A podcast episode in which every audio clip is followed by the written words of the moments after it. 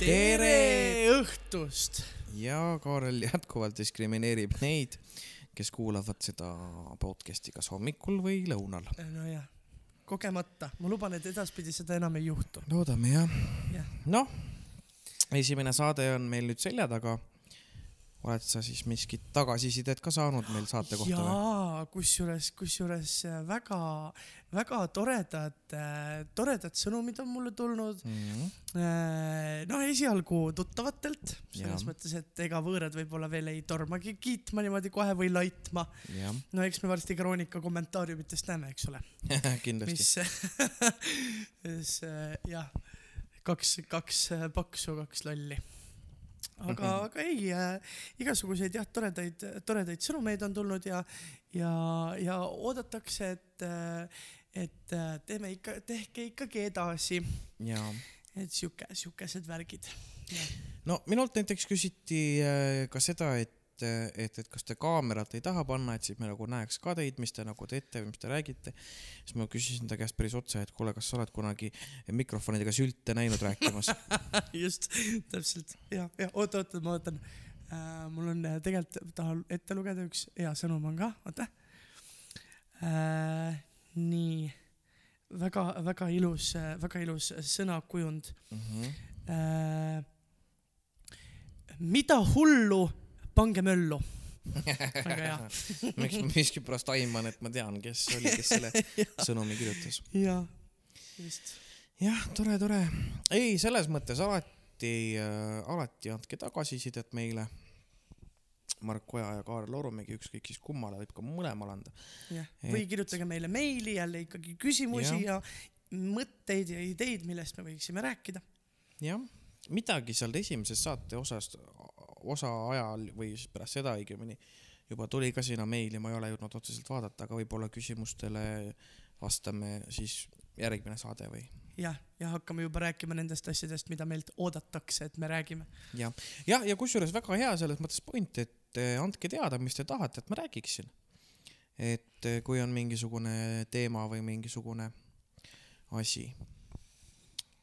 nii et jah, teatrikuu on lõppenud. räägime sellest võib-olla, on sul üldse olnud sellist teatrikuud? ei ole ilma, ilma teatrita teatrikuud. no ütleme niimoodi, et mina olen endale seadnud eesmärgiks, et ma vaatan iga nädal vähemalt ühe lavastuse siis ETV sealt lehekülje lõpututest arhiividest onju. et, et seal on, seal on tõesti igasuguseid vingeid asju üleval ja, ja sealt on, on ikka saanud, saanud vaadata ja, ja nautida seda teatrit ka. kusjuures mul on nagu kuidagi, minu jaoks on mööda läinud see selline, see alternatiivteatri vorm, mis praegult on nagu hästi palju hakanud koroona ajal nii-öelda arenema, et Mhm. et kõik need telefoniteatrid ja, ja, ja internetiteatrid, et sa saadki osta endale pileti ja vaadata seda lavastust läbi Mhm. läbi neti, et millest mul on tohutult kahju, on näiteks see Linnateatri lavastus, mille pealkiri mul ei tule praegult küll meelde, kus äh, Evelin Võige, Võigemõist äh, üksinda soolo, sooloetendust tegi ja telefoniga terve etendus rääkis. sellest kusjuures on tehtud isegi monoooper ja seda laulis äh, Estonias Helen Lokuta. ahah, okei okay.. kas ta on inimhääl või? no midagi sellist, no väga-väga selles mõttes põnev, põnev nagu story tundus see ja sellest muidugi räägiti ka väga tohutult, et, et oli ikkagi väga vaatamist väärt ja, ja, ja noh, kui seal peaosas on juba Evelin Võigemast, siis, siis äh, kindlasti, kindlasti on see, on see hea. Ja äh, nüüd, kus häda kõige suurem, seal doktor Google kõige lähem Jah. äh, näitab, et tõesti monooperi inimhääl oli. aga kas, aga kas see on seesama, mis, mis Linnateatris oli? ma arvan, et see oli, see oli ikka mingisuguse te- teise pealkirjaga või äkki ma panen, äkki ma panen puusse. ei, teatrikuu, teatrikuu on ju selles mõttes ikkagi, ikkagi uhke, uhke, uhke asi, et, et äh, minu isal on sünnipäev kahekümne seitsmendal märtsil, mis on ju rahvusvaheline teatripäev. Mhm. et, et ka seda me oleme aastaid tähistanud ikkagi sellise äh, teatriauhindade vaatamisega ja, ja kõige sellega, noh nüüd, nüüd, kui ma enam kodus äh, vanematega ei ela, siis, siis aina vähem. aga et, et, et võib-olla ma, ma ei ütleks selles mõttes, et minu jaoks see teatrikuu kuidagi erilisem on kui, kui mõni teine kuu, et, et võib-olla see aeg on alles, alles tulemas. jah, ja Linnateatri etenduse nimi on Inimese hääl, aga kuna ka Helen Lokuta monoooperis, ooperis rääkis terve aeg äh, telefoniga, siis ma arvan, et see on ikkagi sama tükk. see võib olla jah, selles mõttes. lihtsalt võib-olla on võetud see algupärane tekst, mis siis oli Linnateatris, lihtsalt kirjutati, keegi kirjutas sinna muusika taha, võib-olla ma ka eksin, et Jah. ei tasu minu sõnade peale mürki võtta. aga kindlasti tasub äh, uurida, kui keegi tahab seda uurida, siis uurige ja andke meile ka teada, kas meil on jah, tõsi või ajab Mark jama suust välja, nagu tihtilugu ta seda teeb. jah, ma tänan sind, et, et, et kohe teise saate alguses lood minust väga kauni kuvandi. aga teater, teater jah, teater tegelikult, ma isegi võib-olla nii väga ei igatsegi seda teatrikuud, sest et äh, see teater, mis siin meil igapäevaelus toimub koos kõikide trikkide ja nippidega on isegi, ma ütleks, sellest teatrist juba piisab, et kui siin veel ekstra hakata mingisugust draamat kütma, siis oleks võib-olla isegi ehk liig. no just ehk kui me juba vaatame näiteks sinna, sinna üles Toompea poole, siis, siis lisaks äh, lavakunstikoolile asub seal kõrval veel suurem teater, Riigikogu, kust Jah. ju tuleb ainult puhast kulda kulda jah. viimasel ajal, et, et tead, mis viimase sulle- alati pean sulle, ei noh, jah, seda alati, aga, aga tead, ma pean sulle täitsa kurvastusega ütlema, et äh, mul on nii kahju, et äh, Mart Helme tagasi astus. aa, et siis oli lõbusam või? nii lõpp, see, see oli tõesti uskumatu selles mõttes, et, et kui ma tunnen vahel, et ma tahaks vaadata midagi sellist, et ma ei pea mõtlema või et ma võin oma nagu aju lasta täiesti lõdvaks, siis ma vaatan suletud uste taga. Mhm. ja, ja minu arust see oli natuke ka siuke suletud uste taga, et, et väga palju väga halba huumorit ja, ja väga palju sellist äh, mm, halba dramaturgiat minu arust oli seal, Hmm. seal äh, selle, selle Riigikogu kogu selle, kogu selle kompott, kogu see kompott, mis seal toimus. ja, ja sellest oleks tõeliselt ühe vinge muusikali saanud kirjutada, ma ütlen. et kui keegi viitsiks võtta välja ja kirjutada libreto selle kõige ümber, mis päriselt toimus, päriselt inimeste tsitaadid välja võtta, no sealt saaks siukseid numbreid, noh, uskumatu, mida, mida sealt, mida sealt saaks välja tõmmata. millal sa viimati teatris käisid, Mark? sa mõtled äh, äh, siin teatrietendusel või? jah, millal sa viimati käisid teatris etendust vaatamas? jah, selles mõttes, et, et vanem sinna Draamateatrisse võib niisama ka sisse astuda, aga see ei ole nagu, see ei ole Jah. nagu see. vaadata maale. tead, väga hea küsimus.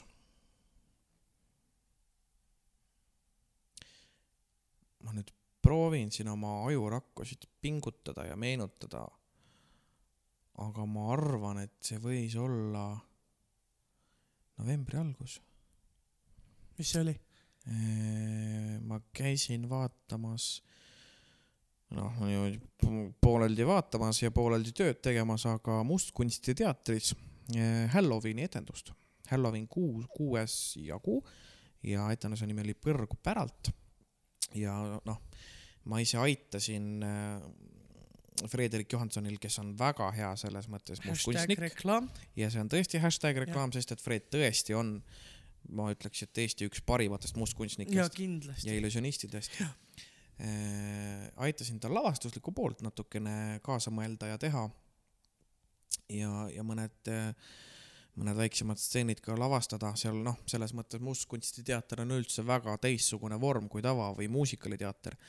et eh, seal tulebki natuke teisiti kõike teha, aga ma vist tõesti käisin, sest et ega siis ju pandigi kõik kinni ja, ja ongi nii. aga mis sul selline viimane teatrielamus oli, selline tõesti, et sa mõtled tagantjärgi, et, et kui see, kui see etendus läbi sai, siis sa oleks kohe otsa sama asja vaadanud? Tead, ma ei tea äh,. ma ütlen kohe päris ausalt välja mm,. ma väga palju teatris ei käi. sellega on vist natukene see, et, et, et kuna see teater on mõnes mõttes saanud mulle ka juba tööks ja mõnes mõttes ikkagi ka nagu toredaks hobiks, siis lihtsalt ma ei ole nagu käinud äh, niimoodi väga vaatamas mingisuguseid asju, aga, aga, aga on selles mõttes ma võin öelda asjadest, mis ma, mida ma olen käinud vaatamas ja mida ma ei tahaks enam kunagi näha. ma ei tea, kas me hakkame rääkima nendest asjadest siin ja üks oli väga tuntud muusikal üle terve maailma, mida ma nägin ühes ühe, ühe teatri poolt siis, keda ühes. meil Eestis väga palju ei ole, kes muusikale teevad, eriti Broadway omasid yeah aga käisin vaatamas ja no see, see oli ikka. see oli. see teater asub Tartus ja see ei ole Tartu Uus Teater. jah, et äh, ei no mis me ikka siin keerutame ja, ja ega ei ole midagi selles mõttes, et äh, ütleme siis kohe välja, et, et see muusikal oli Mamma Mia ja võib-olla on asi minus, võib-olla on asi minus, et Mamma Mia on minu jaoks niivõrd legendaarne tükk, et mul endal oli hästi suur ettekujutus sellele, kuidas ma ise tahaks, et kõik oleks, kuidas oleks stseenid, kuidas oleks laulunumbrid, kuidas oleks koorinumbrid, tantsunumbrid. võib-olla on asi selles, aga ma vist tõesti, ma olen noh, ütleme ausalt välja, et ma olen elus näinud väga palju sitte, väga palju kehva teatrit. Ja isegi siis nendel kordadel, kui ma olen näinud siukesi halbu etendusi, siis ma olen tõusnud püsti mõelnud, et hm, ka huvitav, et siit on endalgi millestki õppida mm,. aga Mamma Mia puhul oli küll, et ma olin nii pettunud, ma isegi ei oska võib-olla nii hästi välja tuua, milles ma olin pettunud.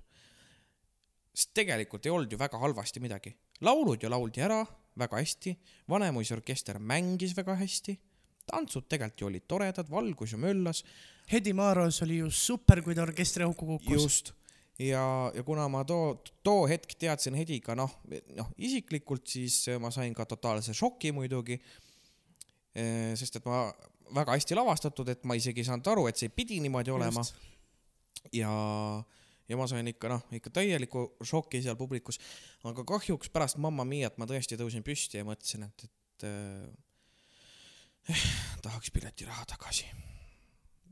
no mina sind räägin omakorda oma viimasest äh, kõige paremast teatrikogemusest ja, ja, ja, ja minu arust on alati räägitud sellest, et, et äh, et need kuidagi need suured teatrid toodavad nii palju häid asju ja, ja et noh, Tallinna Linnateater ju on ju, et noh, ükskõik mis etendust sa vaatama lähed või lavastust sa vaatama lähed, siis, siis sa ei saa kunagi pettuda ja ja, ja sellepärast minule meeldib äh, käia mööda neid siukseid provintsiteatreid natukene mm. -hmm et noh äh, Ugala ja no kas nad on B-kategooria? ei ole. A-kategooria. no ikkagi, ikkagi väga kõvad teatrid. et, et äh, ja, ja minu viimane siis äh, elamus oli see, et üks mu väga hea sõber, kelle nimi on Mark Oja, kinkis siis mulle sellise paketi mm, sünnipäevaks mm. -hmm. et ma siis sain koos kaaslasega minna Viljandisse äh, vabalt valitud etendust vaatama mm -hmm. ja siis ööbimine, ööbimine oli sealjuures ja, ja kõik sellised toredad asjad. ja ma käisin vaatamas sellist äh, sellist lavastust nagu Sajaaastane, kes hüppas aknast välja ja kadus mm. -hmm. no ma arvan, et, et päris paljud võivad olla näinud seda filmi, mis see, vist on Rootsi või, või Nor-, ühesõnaga Skandinaavia ja. film ja, ja ma seda filmi ei olnud näinud küll aga mu ema oli näinud ja ütles, et see on väga lahe nagu story ja, ja väga-väga selline, et aga et tema küll ei kujuta ette, kuidas see lavastusena nagu tehakse, et see tõesti mm -hmm. on nii palju erinevaid tegevuskohti, nii keeruline. ja no see oli, see oli ikka, ikka pauk, ma ütlen. et, et tõesti, ta oli nagu minu masti lavastus selles mõttes, et seal oli pauk kokku, seal sai nutta, seal sai reaalselt niimoodi naerda, et inimesed olid vahepeal nagu hüppasid saalis. et, et noh, seal äh, alustame, alustame sellest, et, et mis võimekusega on üldse Ugala saal mm, -hmm. Ugala lava no seal ju tehti just, just, just just alles on jah remonti, ka. tehti remont ja see on tõesti nagu uskumatu, mis, mis tasemega seal on tõusvad ja laskuvad lava. kas ta ei ole ka kusjuures mitte kõige uuem teater ta praegu Eestis ongi või? jah, ja ta on ka kõige võimekam ongi ka jah, nii valguse kui kõige selle nii-öelda tehnilise poole pärast. ja, ja muidugi tore on see ka, et Eesti Noorte Muusikaliteatri näitleja Herta Soro isa on ju Arne Soro, kes on käinud meie etendusi vaatamas ja keda mm -hmm. ma näitlejana ju ikkagi tean ja kes on ja. ju väga paljudes seriaalides mänginud ja filmides ja ja no mul läks ikka aega, et aru saada, et selles, seda peaosa mängib Arne Soro mm. -hmm. sest ta tõesti mängis seda saja-aastast ikka nii ausalt ja nii nagu, see oli nii päris, ehedalt jah. et ma ehedalt jah, et ma ikkagi mõtlesin, ütleme esimesed kakskümmend minutit mõtlesin selle peale, et kes see näitleja on, lasin terve näitlejate nimistu Ugala teatri näitlejate nimistu oma, oma peast läbi ja ma ei saanud aru. ja siis ühel lehte ei hetkel, mõistnud osta siis. ei no ma, tavaliselt ei osta niimoodi kohe, ma jooksen tavaliselt teatrisse niimoodi, et, et peaasi, et hiljaks ei jääks, onju. ja, ja siis ja no muidugi noh, minu suur armastus Terje Penje on ikka, ikka täiesti, no see roll oli no mina pean ka hetkel kiitma Terje Pennit taevani, et Terje Penni mängis ka Mamma Mias. No just, ja vist mängisid äh, Kaire Vilgatsiga kahas seesama rolli, aga, aga Terje Penni, no Terje Penni on loomul- loomulikult see Epo Seiman, kes tuli ka la- lavale ja tegi ka jurra jurra vahepeal, aga no vaata, kui Sepo Seemani puhul on see, et Sepo ei pea midagi tegema, ta lihtsalt tuleb lavale ja kõik juba naeravad. Siis Terje Penniga on nagu see, et minu meelest etenduse kõige parem stseen ja ärge üldse mõistke mind valesti, ma ei vihanud seda Mamma Miat.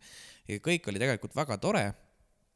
aga, aga võib-olla lihtsalt jah, minu enda ootused olid liiga kõrged, et ma kujutasin, ma ei tea, mis asja endale ette, aga, aga Terje Penni poolt tuli minu jaoks isiklikult äh, etenduse kõige naljakam stseen, siis kui äh, Terje Penni oli just tulnud äh, kas see oli nüüd pärast Voolewoo'd või see oli nüüd pärast Does your mother know?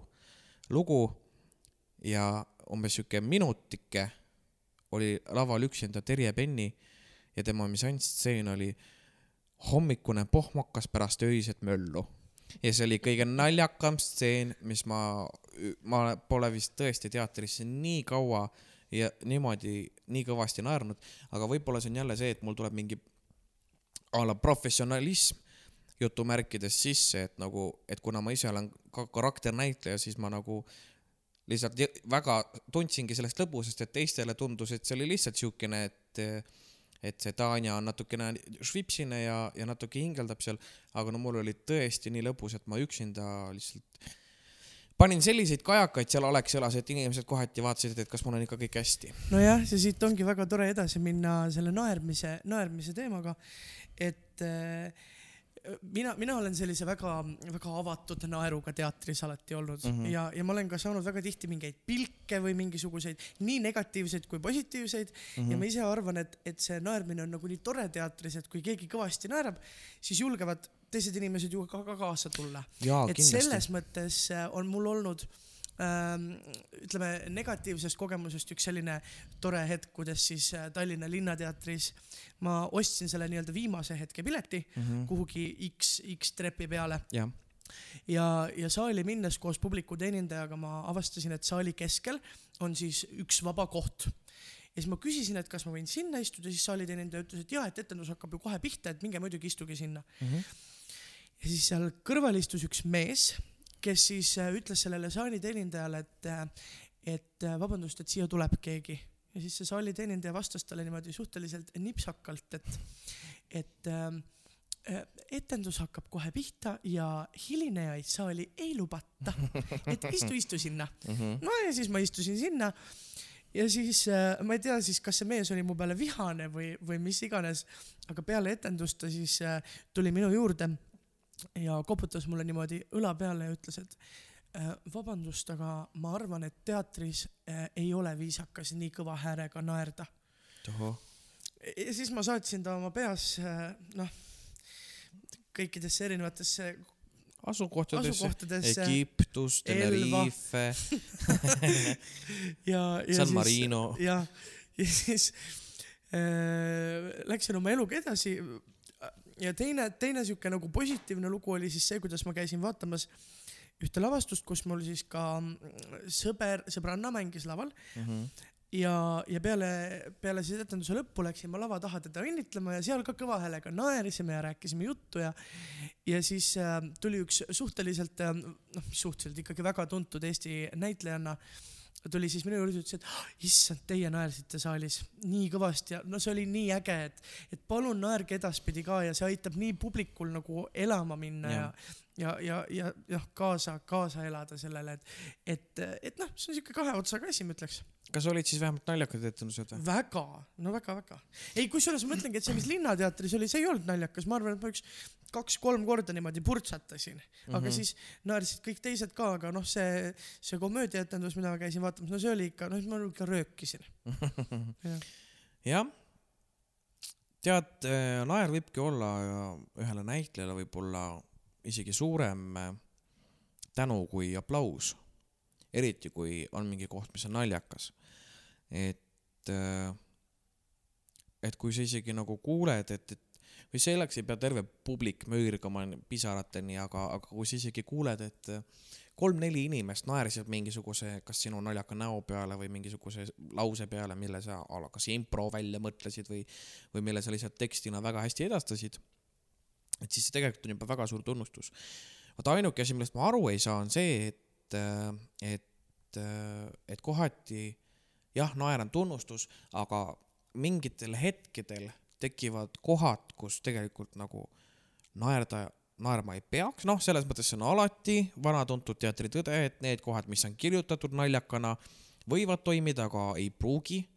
ja need kohad, mis ei ole tegelikult üldse naljakana mõeldud, on väga naljakad publiku jaoks, aga, aga mingites kohtades on väga nagu huvitav minu jaoks nagu mõelda seda, et, et see stseen ise on nii pingeline ja nii üles kruvitud emotsionaalselt näitleja poolt nagu väga hea töö, et, et vaatad isegi eemalt ja klomp kurgus et, et tõesti väga nagu nukker tegelikult elulugu, kasvõi näiteks tuua see Sofia, millest me põgusalt rääkisime ka eelmine saade, et, et selle Sofia lugu tegelikult oli väga kurb elulugu, no lõpuks lõppes hästi, aga muidu oli väga kurb.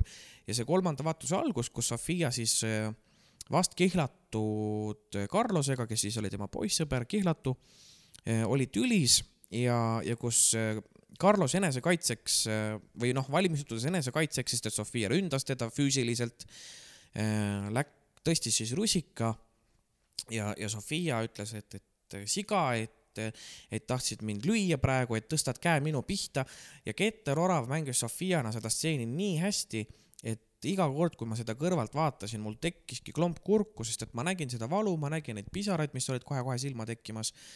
aga publik alati naeris selle peale ja see oli minu jaoks nii ootamatu, et nagu, et, et miks, miks naer sihukeses kohas, nii pingeline stseen, väga hästi mängitud, et äh, kumbki neist ei teinud seal mingisuguseid nägusid, ei öelnud seal mingisuguseid otseseid naljakaid asju. et, et huvitav nagu täiesti noh, jälle, et, et ja kokkuvõttes ma ei teagi, miks see publik naeris. jah, selliseid äh, olukordi on olnud ka muusikalis äh, Hammasrataste vahel Mm.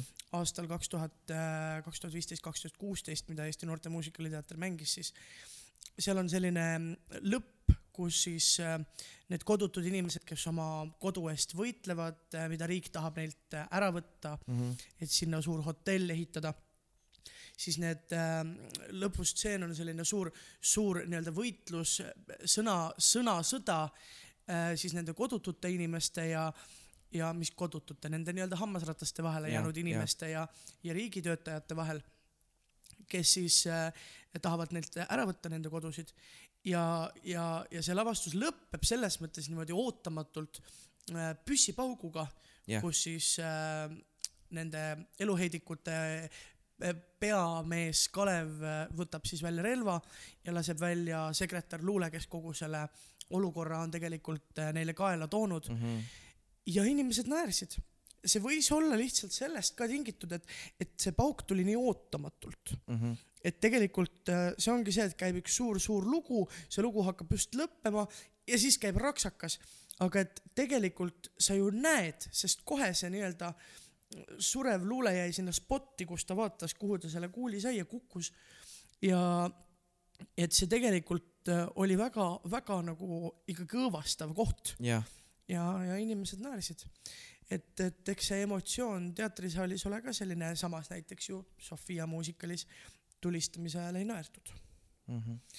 aga kuulame muusikat vahepeal.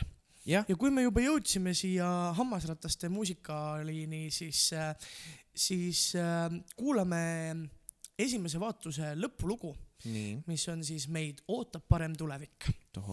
ja see lugu siis äh, räägib sellest, kuidas kaks õde ja unistavad siis paremast tulevikust, Mhm. et sellest hammasrataste vahelt, sealt hammasrataste vahelt pääseda okei. ja jõuda siis oma parema tulevikuni. ja kui kuulajale tundub, et ma mõnitan jälle Kaarlit, siis tegelikult ei ole nii lihtsalt olu-, kuidagi on, oli niimoodi, et, et mind ei olnud hammasrataste muusikalis ja ma ei ole seda hammasrataste muusikali ka isegi mitte näinud, ainult väikseid jupikesi mingitest lugudest, seda lugu ei olegi kuulnud veel no vot ja, ja kohe põnev on. sulle ka põnev ja lisaks veel tuleb mainida, et, et ka väga paljudel inimestel, kes seal mängisid tollel hetkel, ei ole, nad ei ole seda ammu kuulnud, sellepärast et see fail on küll vist ainult minul. vaat, kus Ja saate eksklusiivmaterjali praegu ja-, ja- kaks paksu ja podcast'is. veel lisaks, see on otse lavalt ehk siis see on äh, etenduselt äh, live äh, siis salvestus. nii et ei mingit autotune'i, ainult siired emotsioonid otse lavalaudadelt. no kõlab väga hästi ja teie kuulake seda laulu ka ja samal ajal mõelge, kas teie oletegi, kas teie olete ka teatris naernud kohtades, kus tegelikult ei olnud naljakas koht ja kui jah, siis miks ja kirjutage meile ka. kallis õde, ma tean, saabub peagi see päev, kui üheskoos limusiiniga päikseloojangul sõidame. kallis Lala, ma tean, saabub peagi see päev, kui korter on sul ja mul lausa kahe mulli vanniga veidike veel tuleb oodata. kallis Nadja, ma näen, sellesse usud sa. nii raske on mul ennast uskuma sundida.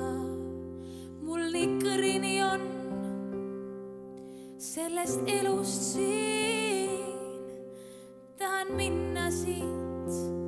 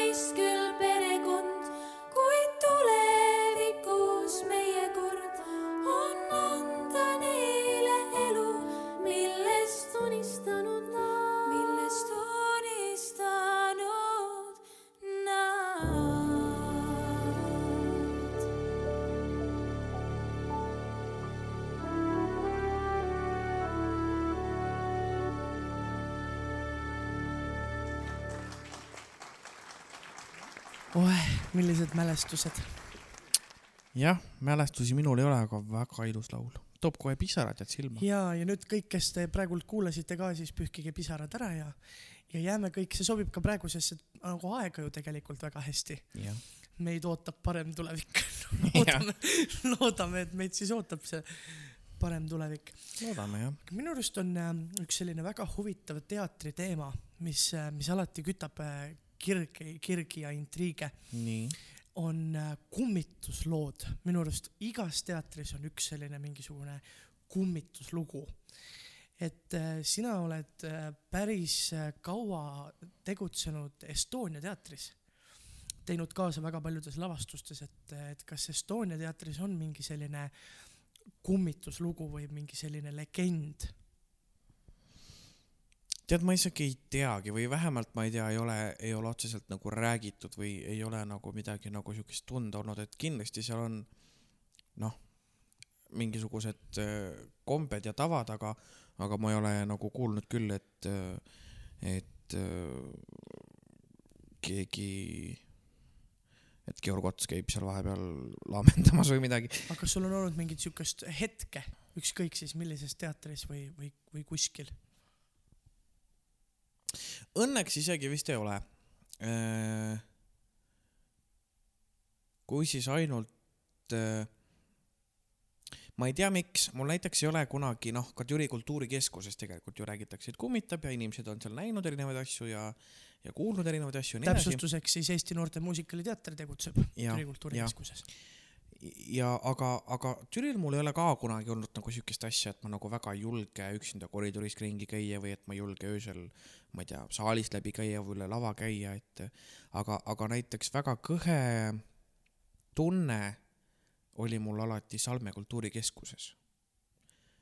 ja ma ei tea, miks, aga alati, kui ma näiteks noh, ma olen olnud ka päris mitmetel etendustel siis inspitsient ehk siis etenduse juht ja näiteks kui ma olen tulnud kas hästi vara hommikul ja pidanud panema kõik need tuled tööle, mis on seal saalis ja laval või, või kui ma olen näiteks lõpp, viimane, kes lahkub sealt lavalt ja pannud need kustu, siis alati on miskipärast väga kõhe kõndida sealt üle pimeda lava. kunagi toi oli ju ka Kaari Sillamaa lastekaunite kunstide kool, kus me siis mõlemad ka praegu oleme tegevad. Oli ju Salmes ja, ja mingi etenduse aeg, ma ei tea nüüd, kas see vastab tõele või see ei vasta tõele, on see mingisugune legend või müüt või lihtsalt mingi kuulujutt, mis levima läks no, laste vahel. aga kunagi ma kuulsin mingit siukest juttu, et Salme kultuurikeskuses olla koristaja ennast laval stange külge üles poonud. ma ei tea, kas see on tõsi või ei ole, aga väga põnev. aga väga põnev selles mõttes oli arvata, et on. ja, ja aga noh, Salmes oli üleüldse, et kuidagi isegi koridoris kõndida, seal oli see kaunite kunstide koolil oli hästi pikk koridor ja no ikka, kui sa ikkagi ühest otsast panid selle tule kustu, siis sealt pimedast piklikust koridorist, mis nägi välja nagu õudusfilmist, ikka väga ei tahtnud kõndida. nojah, mina olin seal ise ju, töötasin ikkagi õhtutundideni tihtilugu üksinda Mm -hmm. ja, ja et oligi, vot, vot seal ma olen kuulnud ühte ja teist, selles mõttes äh, mööda seda pikka koridori samme, mis, mis võib-olla on hoopis tegelikult kuskil mujal, et on mingi peegeldus või, või mm. -hmm. tulevadki äh, kuskilt, kuskilt mujalt äh, need helid, aga et, et äh, see on ka üks sihuke huvitav, huvitav asi, et, et õudusfilme, kui me vaatame, siis me mõtleme kogu aeg selle peale, et et miks sa lähed sinna pimedasse koridori ja, et ära mine sinna ja, ja et see Jah. on mõrvar, aga, aga kui ma istun ikkagi oma selles kõige tagumises toas üksinda ja mul äh, lõpeb viimane tund ja siis ma veel toimetan seal oma asju ja kui ma järsku kuulen, et pikast sellest koridorist käib mingisugune krõbin, muidugi ma lähen vaatama ja olen ka pimedas läinud sinna vaatama. et Jah. äh, see küll ei ole nüüd otseselt nagu teatri lava äh, olukord, aga samamoodi Türi Kultuurikeskuses oli, oli siis äh, äh, Järvamaa parimate aastagala Mhm. eh, tunnustamine ja, ja Eesti Noorte Muusikaliteatri rahvas eh, siis tegi seal kaasa, sest mina seda tollel aastal lavastasin Mhm. ja, ja siis meie üks ühine tuttav Kertu Raja eh, oli siis sinna kes oli ka omal ajal kaunite õpetaja. täpselt, just. Kertu siis ma kutsusin sinna tantsijaks ja, ja ta pidi tegema siis enne Järvamaa kultuuripärli siis väljakuulutamist pidi tantsima siukse imekauni suure eh, Türi Kultuurikeskuse kunstniku Ülle Kuldkepi tehtud suure merekarbiga, kus sees oli see pärl, pidi siis sellega üle lava tantsima, tal oli siuke valge siitkleit, mis Mhm. hõljus ja, ja selline uhke suur number. ja kui see üritus oli juba läbi saanud, siis istusid äh, kaks äh, tuttavat äh, naist istusid seal ees garderoobi, siis selle garderoobi ääre peal ja ootasid oma tütart, tütreid, kes siis pidid tulema, et nendega koos koju minna. ja, ja kultuuri, Türi Kultuurikeskuse fuajees on siis telekas, kust näeb lavale siis ja. läbi selle valvekaamera. Ja seal siis istusid need, need kaks naist ja mina läksin nende juurde, nad seal kiitsid ja, ja kallistasid mind ja rääkisid, kui uhke värk ja kõik värk ja, ja et kas ma saaksin korraks kutsuda lavale äh, nende juurde selle, selle tantsijana äh, Kertu siis, et, et see oli nii imeline number ja nad tahaksid teda tänada ja, ja siis ma ütlesin, et, et ei, Kertut enam ei ole, et Kertu läks juba ära. Nad et aa, et jooksis just minema ja ütlesin, et ei, et Kertu läks juba ikka mõni aeg tagasi ära siis nad vaatasid niimoodi üksteisele otsa. siis vaatasid mulle otsa, ütlesid, et, et meie just praegult telekast nägime, et üks valge kleidiga naine läks üle lava, Mhm. aga selleks hetkeks oli üritus juba läbi. saalis olid tuled kustu pandud ja valvekaamerast paistis ainult see nii-öelda öövaatepilt. Siis ma mõtlesin, et appi, et ei, see ei saa olla, et Kertu läks peale, kohe peale oma numbrit Mhm. juba ürituse ajal jooksis rongi peale. no kes see valges kleidis naine oli, see saal oli kinni mm, -hmm. näitlejad olid kõik juba garderoobides, vahetasid riideid. inimesed olid üleval teises saalis pidutsesid, Mhm. et, et kuidas selline olukord või et, et kes seal siis oli või, või mis see oli, et, et jälle see võis olla keegi mis iganes vari või, või inimene, kes sealt tegelikult käiski midagi võtmas. aga jälle see hetk oli selline põnev ja natukene hirmuäratav ja jah, ja, ja tegelikult olen noh, ka mina kuulnud teiste käest, et kes on kuulnud seal mingeid samme ja, ja et uksed lähevad kinni ja, ja et, et on olnud olukordi ka, kus on ku reaalselt kuulda, et puhketoa uks lähebki, keegi teeb lahti ja paneb kinni, kuigi võti on ühe teatud isiku käes ja see isik ammu juba magab, onju, ja keegi ei saa seda võtit seal niimoodi laenamas käia et ongi kuuldud ja vaadatud, piilutud sealt, et nagu kes seal siis nagu on, mindi kat-, katsuti ust ja uks oli lukus ja et, et aga noh, eks see ole natukene, see vist väga sõltub ka sellest, et kas sa kardad kummitusi ise või mitte, kas sa kardad? Mina ei karda, minul on äh, lihtsalt oma story, miks ma ei karda ja et miks äh,, miks, miks see ei ole minu jaoks hirmutav võib-olla, noh, kas just kummitusi, no ma arvan, et kui ma praegult kasvõi siinsamas äh, pikas koridoris paneksin äh, tuled kustu ja ja peaksin läbi selle pika koridori, mingisugune kõhedus on ikka sees mm. -hmm. sest ma, mina olen juba lapsest peale see, et ma ju isegi ei maga pimedas mm Mhm. -hmm. ja vaikuses mm. Mhm. -hmm. et, et ma ei tea, kas see on nüüd see, et ma hullult kardan mingeid kummitusi, Mhm. et ma arvan, et see võib olla ka mingi harjumuse jõud ja kindlasti ma saaks pimedas ja vaikuses magamisega hakkama. aga ma lihtsalt ei taha, jah, et mingi see kõhedus ja see mingid mõtted ja, ja et mida elavama kujutlusvõimega on inimene, Mhm. seda suurem on tõenäosus, et, et ta nagu tunnetab hakkabki ja nägema näeb, jah, ja, ja muidugi, kui sa ikkagi vaatad mingisugust liikuvat puuoksa äh, tänavalaterna käes ja jälgid seda väga pikka aega, sinna tekib see nägu ja see ja see prügikastist tuleb keegi välja ja, jah, ja, ja see tänavalatern hakkab ise ka liikuma ühel hetkel. et, et eks see, eks see ole see kujutlusvõime, kujutlusvõime vili. jah, või noh, selles mõttes võib-olla on asi ka selles, et nagu, et isegi kui oletame, ma kõnniksin sealt Türi kultuurikeskuses ja tulekski, ootamatult tulekski mulle vastu see valges kleidis daam, ilmselgelt pasituks püksid täis. Aga- ei ütle tere, kuidas ei, läheb. jah, aga võib-olla, kusjuures, aga ma isegi nagu ei üllatuks, kui ma afektiseisundis vaatan talle otsa, ütlen, et mis kummitad siin. jah, mine koju, jah, nõiaudu, siin on kõik, vanaema kindad kodus. siin on kõik omad.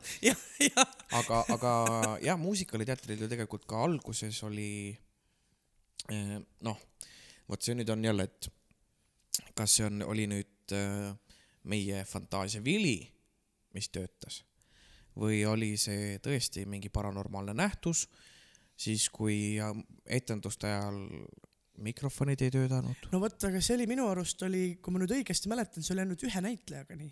jah, see oli ainult. ja ka hiljem oli olnud ju seda, et etenduses ainult ühe näitlejaga on see jama, et mikker ei lähe tööle. jah, et äh, kui me nüüd räägime konkreetsest olukorrast, siis see oligi ju kaks tuhat neliteist Lumivalgeke, Jah. meie kõige esimene lavastus, kus siis äh, näitlejana Kristjan Kiis, kes mängis tollel hetkel Lumivalgekese kurja võõrasema äh, kurja kuningannat tema mikrofon umbes päris mitmel etendusel lakkas töötamast täpselt ühe konkreetse laulu ajaks mis oli siis äh, äh, Kui kaua veel, kus kuri kuninganna laulab tõesti väga kurjalt sellest, et, et teda alavääristatakse ja, ja ollakse tema suhtes mitte, mitte väga-väga positiivselt meele, soosivad jah, just.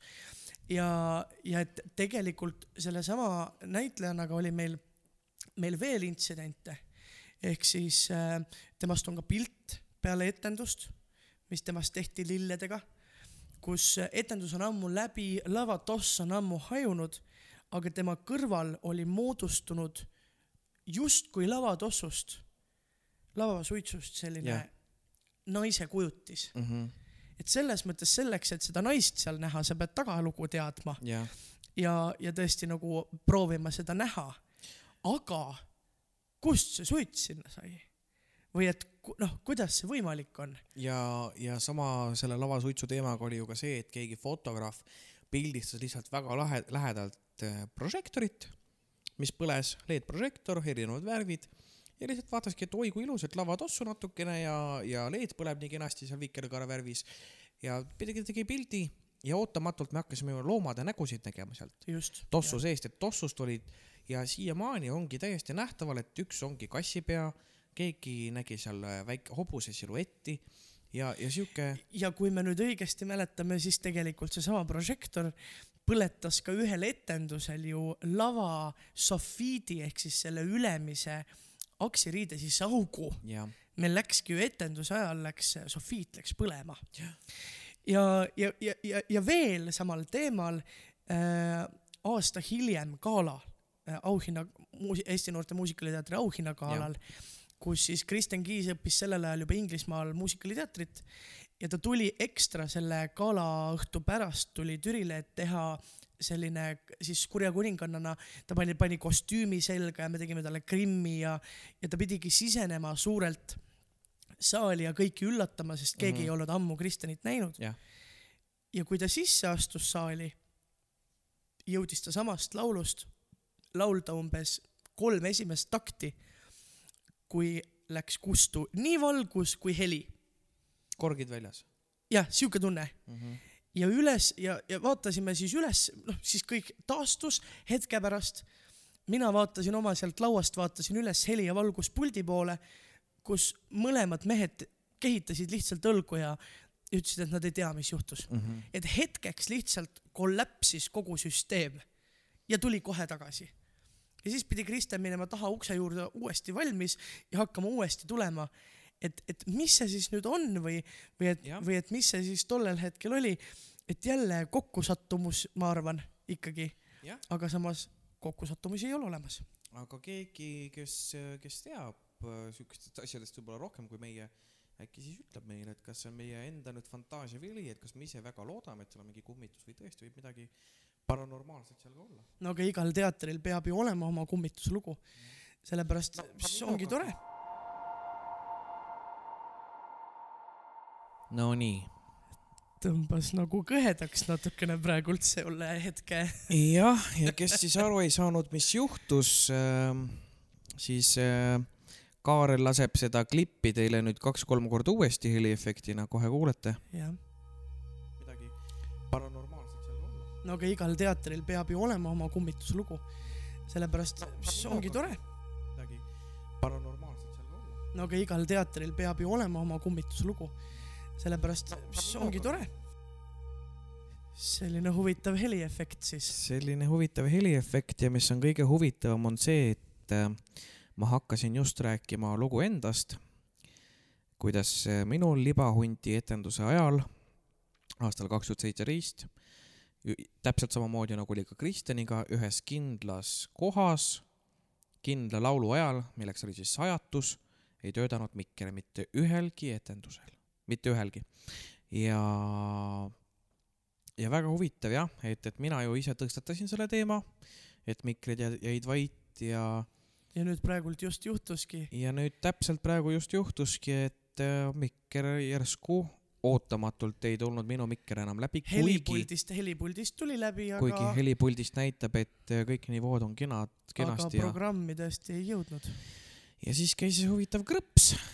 ei tea, mis see krõps tähendab, aga nojah, vot nüüd ongi jälle, et kas on igal podcast'il peab olema ikkagi oma kummituslugu. jah, tead, kas just, aga, aga vot ongi, et kas, kas nüüd oli kummitus või, või äh, mõtleme siin ise välja ja arvuti tegi trikki, et jääbki saladuseks. aga aga- aga mis on äh, olnud huvitavad asjad näiteks, mis ei ole tekitatud kummituse poolt, aga mis on lihtsalt laval juhtunud? no minul on, minul on see, et ma ei ole ikkagi äh, viimasel ajal väga palju mänginud ise. no see ei pea juhtuma sinuga näiteks jah, et, et võib-olla no üks hea näide, mida tuua, on ju, noh, lähme jälle, paneme käima jälle sama vana vinüülplaadi, keerutame seda iga edasi, Eesti Noorte Muusikaliteater, Muusikaliteater, Muusikal Sofia, kus siis äh, teises vaatuses oli stseen, sellesama Kar-, Sofia ja poi-, poissõbra stseen, olid seal poissõbra kodus ja olid äh, metallist suured lühtrid. oi jumal see lugu. Keter Orava teine sünnipäev. jah, räägi siis no ühesõnaga jah, seal on siis stseen, kus eh, Sofia avastab ennast hommikul Carlose kodust ja, ja siis neil on seal pikk stseen, peale mida on siis äh,, oli Kevin Niglasel laul, kes mängis Carlost, kes mängis Carlost siis ja, ja meil oli Sofia lavakujunduses oli keset põrandat oli selline, keset lavapõrandat selline suur lisalava, selline ümmargune äh, lisalava, mille peal siis äh, selles stseenis oli niimoodi äh, jutumärkides äh, Sofia siis voodi, kus ta ärkas. ja, ja Keter oli selles stseenis alates eelmisest Black Outist siis umbes noh, keskeltläbi kuskil viis minutit stseenis vahetas seal veel riideid teki all ja, ja, ja siis jooksis uksest välja, algas siis Carlose suur laul ja kui see laul läbi sai, läks black out ja see lühter, suur raske kolakas metallist lühter, mis täpselt Sofia kohal rippus, kukkus sellesama koha peale, kus Keter oli lamanud viis minutit. ja see juhtus täpselt blackout'i ajal, ehk siis me isegi ei teadnud, mis juhtus. me lihtsalt juhtus kuulsime, et räigelt kõva pauk käis käis, laval jõhker kolakas. ja ma ei saanud aru, mis nüüd seal. juhtus. minu hirm oli see, et, et see sein kukkus, esimene hirm. ja, ja tõesti, see oli, see oli väga-väga hirmutav hetk. sest, sest noh, tõesti, kui, kui Keter oleks tollel hetkel seal all olnud, siis ükskõik kes teine, ükskõik kes teine või korraks üle lava jooksnud, Jah. teise aksi, mis iganes. ja, ja tõesti, õnn on see, et, et kusjuures, kui tagantjärgi mõelda, mõtle, mis on päris õudne. algselt lavastasin ma Carlose äramineku, nii et ta pidi minema üle lava ja uksest välja. ja see millegipärast muutus ja ta pidi minema kõrvale aksi Mhm. ja ta ei läinud üle selle kesklava. nii et kui ka Kevin oleks sealt alt läbi läinud tollel hetkel, oleks võinud need tagajärjed olla väga jõhkrad. ja midagi sarnast juhtus ka ja ju ka muusikal Jane Eyre ajal Kaari Sillamaa muusikateatris. vot seda lugu ma ei mäleta. Kas ei olnud mitte Vene Kultuurikeskuses etendus, kus üks projek-, prožektor kukkus prožektor kukkus etenduse ajal alla jah, just. ja otse samamoodi- peategelase kõrvale. jah, jah, jah. peategelane istus kuskil, laulis vist mingit laulu ja otse tema kõrvale või paar meetrit temast Jah. mööda kukkus pro- prožektor lihtsalt puhh. ja, ja Vene Kultuurikeskuses need ei ole mingisugused, need LED-lambikesed on ju. Pisikesed, jah. pisikesed, et, et need me räägime ikkagi no siukese korralik pea sada No kilogrammi jah, rasket nõukogudeaegset äh, no halogeenlapid hiiglaslikud, üksinda sa seda ei tõsta, seda Jah. suurt prožektorit jah. ja, ja oli jälle, et, et, et ja, ja noh, mis muidugi siuke toredatest lugudest on rääkida, on ju noh, kui me rääkisime siin sellest, et äh, mikrofonid äh, võivad ootamatult kinni minna, siis äh, võime rääkida ka sellest, et mikrofonid võivad ootamatult peale minna. Jah. või kogemata peale jääda. peale jääda või peal olla tõesti, nii et näitleja ise veel räägib sõbrannaga juttu või, või tõesti alustame lemmikloost, kuidas näitleja on vetsus. Ja, ja laulab omaette väikest laulukest, soristab pissi ja, ja publik seda, mõtleb. ja seda kõike on saali kosta. räägi, räägi siis see lumekuninganna lugu ka ära, see on no, tore lugu. see, see on siis äh, selline suurepärane, suurepärane siis suur lumekuninganna Aaria. suur aaria mm. -hmm. esimese vaatuse lõpus ja ja kuidas näitleja vist ei tundnud ennast väga üli enesekindlalt sellel hetkel. ja eesriie sulgus ja hetk hiljem, kui eesriie siis oli kinni läinud, lausus siis näitleja väga kõvasti. Aga mikrofon ei olnud veel selleks hetkeks kinni läinud, nii et, et lumekuninganna sellise sügava ja madala häälega kostus üle lava, üle saali selline kaunis lillekimp igale inimesele.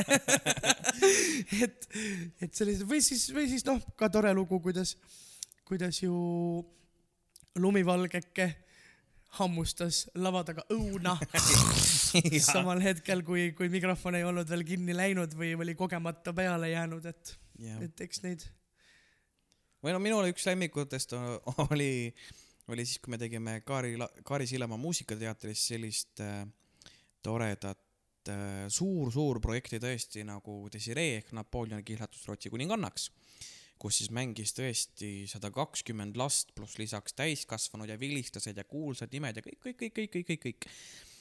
ja mina mängisin ka pol- politseiminister Fouchet, Joseph Fouchet ja ja üks tore hetk oli siis, kui oli hästi pingeline moment, kus äh, järsku siis Eugeniel või Desireel äh,, ükskõik siis kummal, oli äh, korraga kaks kavaleri ehk Napoleon ja juba tema uus kavaler Bernadotte.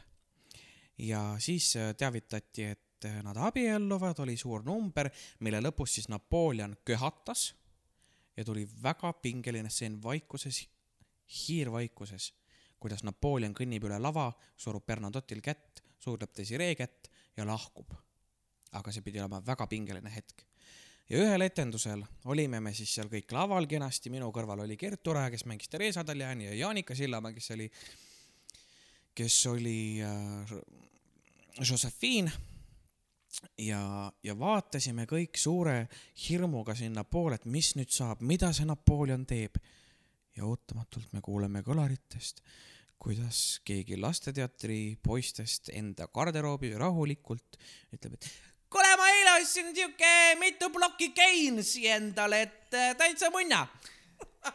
ja siis me olime kõik laval selliste nägudega, et mis asi see oli, et no kujutad ette, kaheksateistkümnes sajand on ju või mis seit-, vabandust, kui ma eksin, suur ajalooline draama ja siis järsku kõige pingelisemal kohal tuleb siuke tekst. jah, no see ei ole ju ainult, me räägime praegu siin Kaari Sillamaa koolist, koolist Eesti Noorte pool. see on igal ja. pool nii, et see ei ole, see ei ole ainult kuidas, kuidas Vanemuise teatris samamoodi äh, väga sellise suursuguse etenduse ajal, kus kindlasti samamoodi aja, väga ajastukohane lavastus, kus, kus ei ole kindlasti mingisuguseid, mingisuguseid asju, tänapäevaseid asju, siis jah, siis kuidas ühel hetkel kostub, kostub siis kõlaritest, et, et oota, ma kohe helistan talle, aga minu arust need, minu arust need mummulised olid seal küll selles teises riiulis. et, et, et noh, selliseid ikka selliseid ja, ja ei pea üldse tegelikult olema ka mikriga alati seotud, võib lihtsalt olla valel ajal vales kohas, et, et oli üks. oota jah, mis sa lugu sa sa räägid? seda lugu ma onju? tean seda lugu ja. ma ei hakka, ma ei hakka nimetama seda teatrit ja ma ei hakka nimetama õigeid nimesid. aga oli üks äh, muusikatükk, kus siis äh, mängisid ikkagi professionaalsed näitlejad ja professionaalsed lauljad. ja, ja koor laulis siis tükis just enne seda laulis jupikest, enne kui see peategelane pidi lavale tulema, esimest korda ennast rahvale näitama ja laulma oma jupikese. ja koor kõik laulis äh, kenasti oma lau-, loo ära, näitasid, suunasid kõik kesklavale, kust kohe-kohe pidi uksest välja tulema siis äh, peategelane. aga peategelast ei olnud. ja kogu koor selles mõttes kaks, sihuke umbes kolm sekundit oli nagu rahu ja siis hakati nagu väga pingsalt nagu vaatama teineteisele otsa, et mida me nüüd tegema peaks. sest et me just oleme näidanud, et siit tuleb siis see peategelane, teda ei ole seal. ja, ja minagi äh, korraks vilksamisi ei isegi ei teadnud, mida, kuhu vaadata. korraks silmanurgast piilusin sinna inspitsendi putka poole, vaatasin, et mis nagu tema seal teeb. tema hakkas, pistis juba pea sealt aknast välja, oli juba närvis ja siis järsku kuuleme, kuidas lavatagune uks teeb, tehakse lahti. ja, ja peategelane siis hüüatab niimoodi äh, õnneks ilma roppusteta, aga hüüatab kõvasti, et äh, noh, võtame mingisuguse naiste nime, ütleme näiteks Kersti ja, ja peategelane hüüab siis üle terve lava, mis kostub ka saali, üle orkestri. Kersti, kurat, kostüüm ja umbes paar sekundit hiljem oli ta jõudnud siis äh, ikkagi lavale, etendus läks edasi. aga viimase etenduse naljad on muidugi alati koht, kus äh, võib ka peatuda, sest et nalju äh, on, see on ju vana teatrikomme, et viimasel etendusel tehakse alati sihuke trupisiseseid nalju, mida võib-olla, mida võib-olla noh, publik ei tohiks aru saada sellest enamasti ja, ja, ja on jälle siuksed naljad, mis, mis ongi väga head naljad, aga on ka siuksed naljad, mis tegelikult võivad teha, tekitada päris paksu pahandust, et et no enne rääkisime Desiree etendusest, et seal samamoodi viimase etenduse nalja puhul eh, siis noored poisid, kes pidid mängima teenreid seal pallistseenis, mõtlesid, et nad tees-, noh, teevad viimase etenduse puhul eh, siukest vimkat ja panevad kõikide pokaalidesse, kus muidu oli siis vesi, panevad soola. ja kui ma ütlen soola, siis ma ei mõtle nagu natukene soola niimoodi näpuotsatäie, seal oli ikkagi no, kui ma ei eksi, siis selle kannu sisse, kust nad seda vett kallasid, oli ikka terve pakk soola pandud. ütleme nii, et see oli ikka üsna, üsna soolane see oli ikka, no ikka see oli ikka selline, et kui sa nagu ühe lonksu võtsid, siis see ikkagi tõmbas hinge kinni. jah, ja mind küll tollel hetkel laval ei olnud, aga mul oli õnnestus seda pärast lava taga proovida. jah. jah. Aga mina paraku- hüsteeri-, hüsteerias täiesti ülivihane Jaanika Sillamaa siis tormas lava taha ja, ja sõimas kõigi näod täis, sest ta oli ju ka lisaks näitlejale oli ta õpetaja jah, ja nendesamade noorte õpetaja, kes selle lollusega hakkama said. et äh, ei noh, Hille ka ja, Jah. ja ega kõik olid seal pahased ju, ega, ega, ega ei saanud olla, et see ei olnud, et oleks seal veel olnud a la suhkur. Et selle oleks veel nagu noh, see väike ehmatus näitlejale endale, jah. aga et see ikkagi tõmbas nii mõnelgi kurgu kuivaks seal. no sellega oligi just äh, väga siuke, mina olin ju laval siis ja minu tegelaskuju äh, Fouché oli ju noh, ma vähemalt ma mängisin ta pooleldi joodikuks. et tal selle ühe palli jooksul ikka tõmbas endale kolm pokaali sisse mõnuga ja mina suure hurraaga siis hakkasingi kohe jooma, aga ma sain väga kiirelt kohe aru, et, et ei tasu juua. siis ma niimoodi maitsekalt keerasin publikule selja, justkui hakkaks kellegi teisega muud juttu ajama ja lihtsalt sülitasin selle välja tagasi pokaali ja läksin Jaanika Sillamaa juurde, kellega me pidime seal lihtsalt niimoodi niisama juttu rääkima taustaks. ja, ja ma näen, et Jaanika tõstab pokaali, hakkab jooma, ma ütlen, Jaanika, ära joo. ja Jaanika oli mingi ahah, ja ei, õnneks ei joonud.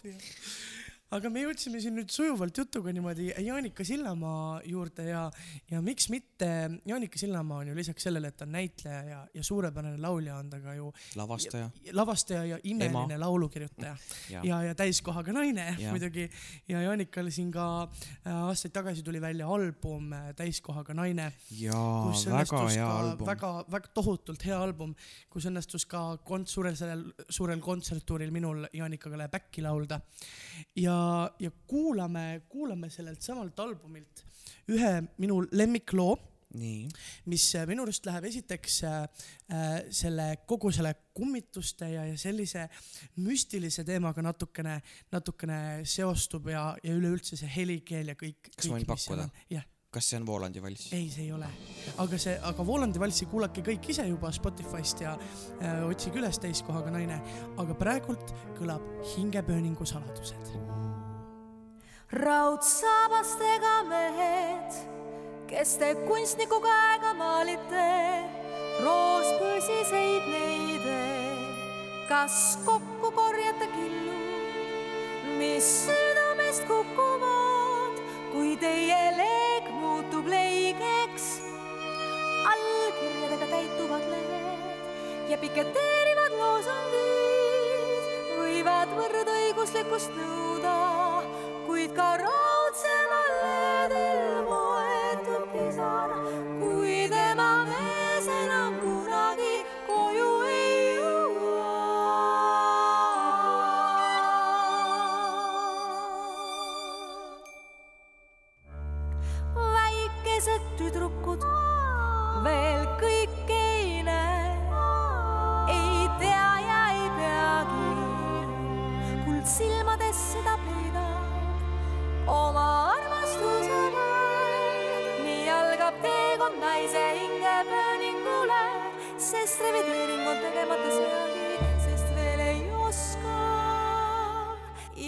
ja veel